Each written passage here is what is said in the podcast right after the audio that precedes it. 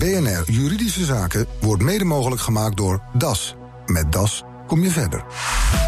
BNR Nieuwsradio. BNR Juridische Zaken. Ronald Olsthoorn. Goedemiddag. Vandaag een overnamebod op Unilever is een zaak van de markt, zegt de premier. Een bod op PostNL wil het kabinet tegen kunnen houden. Nu ligt er een wetsontwerp dat deze overheidsbemoeienis regelt. Wanneer is dat nou wel wenselijk en wanneer niet? Dat ga ik straks bespreken met mijn gasten, maar eerst collega Nelke van der Heijden. Dit wetsontwerp heeft ook wel eventjes, eventjes op zich laten wachten. Ja, de wens voor zo'n wet die ontstond eigenlijk al in 2013... toen Amerika Mobiel het eh, bedrijf van multimiljardair Carlos Slim... KPN wilde overnemen. Nou, de, die wet moet dus regelen dat die overheid inderdaad kan ingrijpen. In 2014 schreef Kamp al aan de Tweede Kamer dat met deze wet... de overheid een overname kan blokkeren... als die schade kan toebrengen aan het telecomnetwerk... en daardoor de nationale veiligheid in gevaar kan komen. Nou, in 2015 leefde die wens weer helemaal op toen eh, Fox IT werd overgenomen. Dat is een IT IT-bedrijf dat de beveiliging van staatsgeheimen voor zijn rekening nam. En nu, twee jaar later dus weer, op de valreep voor dit kabinet ligt het wetsvoorstel er. En onze nationale veiligheid die is alleen in het geding als het gaat om telecombedrijven. Ja, nou, de wet gaat nu in elk geval alleen over uh, telecom. Bij KPN realiseerde de overheid zich van... hey, belangrijke infrastructuur, vaste telefoonled, alarmnummer 112... speciale net van Defensie. Ze allemaal in buitenlandse handen terechtkomen. Daarom is dat nu uh, voor de telecom geregeld. Maar er wordt nog wel gekeken of het voor meer sectoren zou moeten gelden. En volgens mij hebben jouw gasten daar wel een uitgesproken mening over. Nou, dat ga ik ze zeker vragen, want het uh, zijn twee cracks op dit gebied, kun je wel zeggen. Uh, Jan-Louis Burggraaf, hij is partner en fusie- en overnameadvocaat bij Ellen Overy. En vanuit Den Haag is bij ons Hans Schenk, gespecialiseerd in fusies en overnames als hoogleraar economie aan de Universiteit Utrecht en kroonlid van de Sociaal-Economische Raad. Uh, van harte welkom, heren. Dankjewel. Laten we even met de actualiteit eh, beginnen. Um, het overnamebod op Unilever door Kraft Heinz. Inmiddels alweer ingetrokken natuurlijk. Maar Rutte zei dus, uh, ja, het is een zaak van het bedrijfsleven. De Britse premier Theresa, May, uh, die wilde laten onderzoeken of de overname vanuit de overheid geblokkeerd kon worden. Um, wat, wie heeft het bij het rechte eind, meneer Burggraaf? Nou, Engeland heeft een aparte positie, omdat er bestaat een wet uit de jaren 70 die niet verwijst naar specifieke sectoren, maar wel gebruikt kan worden door de overheid, de Engelse overheid in dit geval, om te kijken naar bepaalde overnames. Die wet overigens is nog nooit toegepast. Dus de Engelse overheid heeft een stepping stone, om dat woord maar eens te gebruiken of te woorden. Um, voor Nederland zou dat veel lastiger zijn, omdat het is geen specifieke sector die wij willen beschermen, Unilever. Uh, en Unilever zal de bescherming dus moeten zoeken enerzijds mededingingsrechtelijk, want daar toetst de overheid natuurlijk wel op. En twee, als vennootschap, wat hebben ze als in het arsenaal als beschermingsmaatregelen? Maar dat is meer een de zaak van de vennootschap dan van de overheid. Dus de Britten die kunnen het, uh, wij kunnen het niet eens, maar uh, in beide gevallen vindt u het wenselijk? In, in dit geval, het gaat om Unilever. Persoonlijk niet, omdat als de voorwaarden hadden geklopt dan had dat gewoon een overweging moeten zijn van Raad van Bestuur, Raad van Commissarissen en aandeelhouders die er uiteindelijk over gaan van Unilever. En voor zover ik weet, is Unilever niet een bedrijf dat cruciale veiligheidsgerelateerde uh, sectoren bedient. Het is een heel groot bedrijf. Het is voor zover ik weet ook een heel mooi bedrijf. Heel veel werknemers. Dat zijn allemaal dat vindt factoren. onze premier ongetwijfeld ook, want die heeft ja, er gewerkt en dat, natuurlijk. dat zijn allemaal factoren die je mee mag wegen als raad van bestuur, raad van commissarissen en aandeelhouders. Maar uiteindelijk is het in onze samenleving aan die drie om over de toekomst van zo'n bedrijf te beslissen en niet aan de overheid SEC. Meneer Schenk, hoe denkt u daarover? Nou, voor een belangrijk deel kan ik uh, meegaan. En wat uh, Jan-Louis zegt, maar. Er is een groot maar aan. In, onze, in ons bestel geldt ook dat zodra de acties van een partij. de acties of de belangen van andere partijen schaden. je wel degelijk een grond hebt om te interveneren. Nou, dat is met zeer grote fusies vast en zeker het geval. wij weten dat vele van die fusies, zo niet bijna alle van die fusies mislukken. En in termen van waardecreatie. Dat betekent dat een groot deel van eh, maatschappelijke resourcen, om dan ook maar zo'n mooi woord te gebruiken, eh, wegvalt voor de productie van meerwaarde in onze economie. En dat schaadt alle andere burgers in een economie. Nou, of dat nou bij een bepaald geval zo is of niet, hè, want er zijn natuurlijk gevallen die afwijken van de regel, eh, dat zou iets kunnen zijn waarover je iemand, waarover je een toetsingsorgaan laat oordelen. Maar op welke grond dan precies? Want ik begreep net zojuist dat het in Nederland niet echt voor de hand ligt en eigenlijk ook niet kan. Nee, het heeft niets te maken met die nationale veiligheid. Uh, waar we het eigenlijk, wat eigenlijk de aanleiding is om hier te zitten. Uh, maar u vroeg het. Uh, en u memoreerde dat meneer Rutte had gezegd dat het een zaak van het bedrijfsleven was. En wat ik betoog is dat dit niet uitsluitend een zaak van, de, zaak van het bedrijfsleven is. Als dit bedrijfsleven onze economie in zwaar weer voert, bijvoorbeeld doordat de financiële sector derailleert, wat we gezien hebben in 2007, 2008, of bijvoorbeeld doordat de periodiek speculatiecrisis eh, het gevolg zijn van het optreden van ondernemingen, dan is daarmee het belang van de burger eh, geraakt en zou je zeker kunnen overwegen om daarin te interveneren. Meneer Burggraaf wil even reageren volgens mij. U mag de koptelefoon ophouden hoor, dan kunt u hem ook blijven verstaan. Nou, ik, ik zie maatschappelijke relevantie wel. En ook de vragen vanuit de samenleving en voor de samenleving. Alleen, eh, mijn vraag zou zijn: op welke grond welke instrumenten heeft de Nederlandse overheid dan om in te grijpen? Ja, voor financiële instellingen kan dat op grond van de wet. Ja, voor andere sectoren ook. Maar in geval van Unilever los van de rol die de bonden en de ondernemingsraad kan spelen, vanuit de overheid, wat zouden de gronden zou kunnen zijn om te interveneren? Mm, dat snap ik, een hele mooie vraag. Uh, ik moet hierbij aantekenen inderdaad dat er wettelijk op dit moment uh, geen grondslag uh, aanwezig is om in te grijpen. Maar we hebben natuurlijk wel het mededingingstoezicht. Nee, laat ik het zo ook formuleren. Het onder het mededingingstoezicht resorterende concentratietoezicht, fusietoezicht in, in gewoon Nederlands. Uh, dat is, is dat gewoon Europa, Nederlands? Ja. Uh, fusietoezicht, oké. Okay. Ja. Toezicht op fusies. Het is zo dat uh, grote fusies al moeten worden aangemeld bij de overheid, althans bij pseudo-overheden, Europese Commissie, de Autoriteit Consumentenmarkt in Nederland. En die instanties hebben al het recht om te oordelen, onder bepaalde voorwaarden, of een fusie mag doorgaan of niet. Maar rek je die bevoegdheden dan niet te veel op? Want eigenlijk haalt nou, hij dan een instrument van stal. Ja? ja, nee, maar die bevoegdheden worden regelmatig gebruikt. Uh, zij het dat uh, ze worden gebruikt in een kanaal wat ik een lachertje zou noemen. En dat kanaal is ontstaan doordat een lobby van uh, orthodoxe micro-economen in de jaren 70 en 80 de juristen heeft wijsgemaakt dat het consumentenbelang het belang is waarop getoetst moet worden. Dat wil zeggen, men vraagt simpelweg, men vraagt zich simpelweg af of een bepaalde fusie tot een prijsverhoging gedurende een bepaald aantal maanden of een jaar zal leiden op de markt. Maar dat is een effect dat je eh, absoluut niet kunt voorspellen. Terwijl het andere effect, namelijk schade voor de economie, vergaande schade voor de economie, wel degelijk aantoonbaar is. Okay. Dus zou die wet, eh, wat, wat mij betreft, eh, sterk, eh, sterk gemoderniseerd moeten worden. Meneer Burggraaf wil nog even kort reageren en daarna gaan we eens even terug naar dat wetsvoorstel van, eh, van minister Kamp. Nee, maar ik ben blij om te horen dat je moet het via de. Als je al iets wil doen nu, anno 2017, is het via de mededingingswet, organen, instellingen.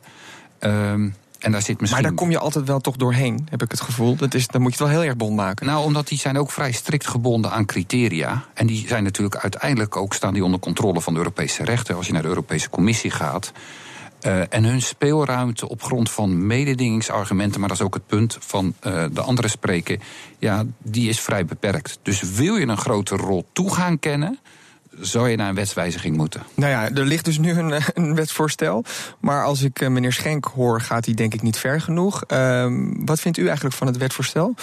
Dus dat de overheid kan ingrijpen als vitale infrastructuur van Nederland op het spel staat door een eventuele buitenlandse overname? Dat hele idee van vitale infrastructuur eh, beschermen heb ik altijd als burger, maar ook als professional een goed idee gevonden.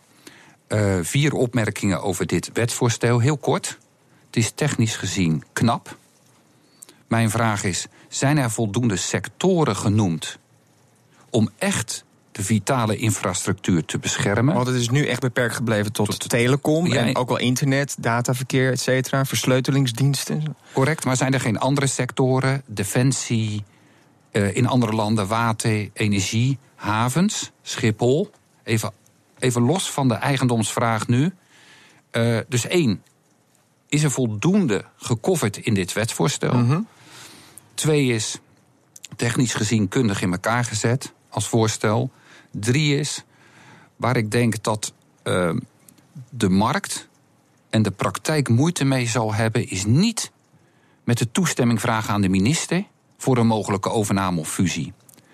Maar er zit de mogelijkheid in voor de minister om achteraf alsnog in te grijpen. Oké, dat laatste punt, ik, ik begrijp waar u naartoe wilt, maar ik wil voor de reclame ook nog eventjes eh, meneer Schenk de mogelijkheid geven om te reageren. Eh, gaat het wetsvoorstel ver genoeg of niet? Nou, het wetsvoorstel wil ik graag op zich beschouwen. En op zich is het een wenselijk wetsvoorstel. Eh, maar ik zou natuurlijk veel liever hebben dat het huidige bestaande concentratietoezicht gemoderniseerd zou worden. Wat u net, zo, net zo even ook al eigenlijk aanhaalde. Ja. Ja, dat heeft verre de voorkeur, omdat we daar al instanties voor hebben, instituties voor Ja, hebben. We hebben een, een liggende wetgeving. Daar hoeft alleen maar het toetscriterium in veranderd te worden. Van, het, van dat lachertje wat ik noemde, namelijk consumentenbelang, tot een serieus, eh, serieus criterium. Want En nu ga je stapelen. Maar dit ligt er nu, dus hier moeten we het even mee doen. Nationale Ja. veiligheid, strategische belangen staat er ook in. Eh, Ja, dan moeten we dat wegen? anders. Hè? Nationale veiligheid, dat spreekt bijna voor zich. Ik geloof niet dat er in dit land iemand te vinden is die daar tegen zou zijn. Maar wanneer we het over strategische belangen gaan hebben, ja, dan wordt het pas echt interessant. Wat is dat precies? En heeft dat bijvoorbeeld raakpunten met het belang van onze economie, van onze economische volkshuishouding? En daarvan zal eh, heus wel een robbertje over te vechten zijn. En dat betekent dat je toch ook willekeur introduceert in, eh, in, in, in de wet. En die zou ik er zo graag mogelijk buiten willen houden. En dat kan via dat voorstel dat ik net deed. We gaan eh, straks nog wel eh, even door met een eh, robbertje vechten. Want moeten de aandeelhouders misschien een toontje lager gaan zingen... om de BV Nederland te beschermen? BNR Nieuwsradio. BNR Juridische Zaken. Minister Kamp wil overnames vanuit het buitenland kunnen blokkeren als de nationale veiligheid in het geding is bij bedrijven uit de telecom. Over het nut, de wenselijkheid en de rijkwijde praat ik met Jan-Louis Burggraaf. Hij is partner bij Ellen Overy Advocaten en vanuit Den Haag Hans Schenk, hoogleraar economie aan de Universiteit Utrecht en kroonlid van de Sociaal-Economische Raad. Ehm, wij praten tijdens de reclame eventjes verder. En ja, ik, ik merk toch dat er wel wat licht zit tussen onze beide gasten vandaag over ehm, ja, hoe, hoe ver de dan inderdaad moet zijn. Want meneer Schenk, eh, wat u betreft, als ik u goed beluister, eh, leiden die fusies ja, eigenlijk eh, zelden tot eh, waardevermeerdering, waar het natuurlijk allemaal om moet gaan. Ehm, dus zou u er eigenlijk wat meer paal en perk aan willen stellen. Maar ehm, meneer Burggraaf hier bij mij in de studio zegt ja. dat is allemaal goed en wel, meneer Schenk, maar dat kan helemaal niet. Nee, dat kan op dit moment niet. Eh, eh, dat is een open deur. Waar het om gaat is of eh, we een wetsvoorstel in overweging zouden moeten nemen waarbij dat wel kan. En we hebben gezien, en, en Jan Wie Burgraaf noemde het zelf al, dat Theresa May in Engeland zich wel degelijk heeft afgevraagd of de economie als zodanig, en het gaat helemaal niet over nationale veiligheid aan Engeland, maar de economie, het de, de belang van wat ze daar Unilever, als zij dat daar noemen, in de, in de economie, zodanig groot is dat je niet eh, mag riskeren dat zo'n bedrijf verkwanseld wordt door een overname door in dit geval Kraft eh, Heinz. Maar waarom moeten we dat niet willen, meneer Burggraaf? Eh, want misschien is, is het uiteindelijk ook wel, afgezien of het wel of niet kan, eh, is het ook echt in het belang van Nederland om hier altijd maar voor te gaan liggen, denkt u? Nou ja, als je de keuze hebt gemaakt voor een al dan niet gematigde markteconomie, dan moet je heel erg oppassen om in te grijpen in die processen. En als je het al wil, wat zijn dan de criteria op grond waarvan je het zou verbieden? Want stel nou dat het verboden zou zijn door de Engelse overheid. Zou dan Engeland in de middellange of langere termijn ook als economie beter af zijn? Dat is nog niet zo makkelijk te beantwoorden vraag. Nou, op grond van het empirisch onderzoek, Jan Wiek, is dat wel degelijk te beantwoorden. Dat zou zo zijn. Ja, de Britse economie zou er beter voor staan wanneer Unilever niet overgenomen wordt door uh, Kraft Heinz dan wanneer het wel overgenomen zou worden door Kraft Heinz. Vindt u ook, meneer Schenk, dat wij eigenlijk in het verleden iets te vaak het braafste jongetje van de klas zijn geweest als het gaat om dit soort aangelegenheden? Ja, wij zijn veel. laat ik zo, laat ik maar gewoon teruggaan naar de jaren 70, 1973, toen voor het eerst het huidige fusietoezicht op de agenda van de Europese Commissie stond en van het Europese Parlement. Toen hebben wij, eh, wij, vooral de juristen moet ik zeggen, zich in de luren laten leggen door een lobby van orthodoxe micro-economen. Die zeiden: in de economie bestaat geen algemeen belang, uitsluitend een consumentenbelang, consumentenbelang. En daar moet het om gaan in dat fusietoezicht. Nou, eh, die juristen hebben toen braaf ja en amen geknikt. Van, oh, die economen zullen het wel weten. Maar die economen wisten het helemaal niet. Dat was een lobbygroep binnen, binnen de economische wetenschap. Moderne economen staan daar heel anders tegenover. En zeggen wel degelijk, er is wel degelijk een publiek publiek belang, een algemeen belang. En dat is uiteindelijk waar het om draait. Ja, meneer Burggraaf, die kijkt wat verbaasd op hier in de studio hoor. Nee, Hans, maar ik mag die micro-economen van 73 niet geloven, maar ik moet de macro-economen van 2017 wel geloven. Nee, ook niet. Bedrijf, ik zou zeggen, geloof de bedrijfseconomen. Die laten zich niet zozeer door ideologie eh, eh richten, als wel door empirie, door de, de feitelijkheid, de praktijk. Ik, ik, ik, ik, ben het met je eens dat natuurlijk fusie en overnames niet geslaagd zijn. Die discussie hebben we eerder gehad en dat ben ik met je eens. De vraag is alleen, als je nu beslist als overheid om een, om een overname of fusie toe te staan, op grond van welke criteria, nou, dan kan je de economie nemen, maar hoe kan je dat nu zeggen voor als dan? Want dat veronderstelt dat je alle plannen van die partij weet. Als ze de werkgelegenheid zouden laten, bijvoorbeeld in, in, in Engeland, en zouden gaan groeien, even in de veronderstelling dan zijn dat toch factoren die je mee moet nemen. En zou dat per saldo nog wel goed Daarbij kunnen zijn Nederlandse bedrijven plegen toch ook fusies en overnames in het buitenland. Ja, ja, dat, dat, dat, dat, helpt onze economie toch ook vooruit? Ja, kijk, waar het om draait is of uh, er, waarde gecreëerd wordt. Nou, wanneer wordt er waarde gecreëerd? Uh, moet ik helaas even een paar economische termen gebruiken. Wanneer er statische of dynamische efficiëntie wordt gecreëerd. Wat is statische efficiëntie? Dat is een puur schaaleffect. Met, uh, met twee kun je meer dan met, met in je eentje. En de dynamische efficiëntie heeft te maken met alles wat eh, op het gebied van innovatie ligt. Daar zijn hele simpele toetsingscriteria voor ontwikkeld. En die kun je gebruiken. En je kunt gewoon bedrijven vragen een protocol te overleggen. Eh, waar deze twee efficiëntiemogelijkheden worden besproken. En niet zo overtuigend eh, worden, worden, worden waargemaakt. Dan laat je ze okay, toe wanneer ze puur om financiële speculatie. Wat wordt Ik wil toch nog eventjes terug, want dit programma heet uh, Juridische Zaken, geen Economische Zaken. Uh, naar het wetvoorstel zoals dat nu voor ligt van uh, onze minister Henk Kamp. Want er zit een addertje onder het gras, wat u betreft, meneer Burggraaf, wat er niet in had moeten zitten. Nou, ik kan het meeste volgen in het wetsvoorstel. Alleen, ik denk wat voor de praktijk, waar het waarschijnlijk ook wel voor de theorieën lastig is, dat de minister after the fact kan ingrijpen. Lees niet een toetsing vooraf van mag ik het wel kopen, maar iemand heeft het gekocht. En die kan alsnog gevraagd worden daarvan afscheid te nemen. En dat vind ik niet erg als die persoon gelogen heeft in gewoon Nederlands. Dan is het evident. Maar als er geen andere situatie is dan bijvoorbeeld bovenin een eigendomswijziging, dan kan je dat al oplossen. Dus dan blijft dat als een soort van zwaard van Damocles boven, boven je overname hangen. Exact. hoe, hoe, wordt, hoe valt dat in Den Haag? Ja, daar moet ik over nadenken. Want dat is natuurlijk juridische fijnslijperij van Burggraaf. En ik ben geen jurist, ben economisch uh, weliswaar tegen het recht aanhangend uh, figuur, maar wel uiteindelijk een econoom. mij valt op dat bij het huidige fusietoezicht er ook een ex ante, dat wil zeggen een toetsing vooraf, bestaat er geen toetsing achteraf. En dat is juist geïntroduceerd omdat men van die toetsing achteraf af wilde in de jaren zeventig.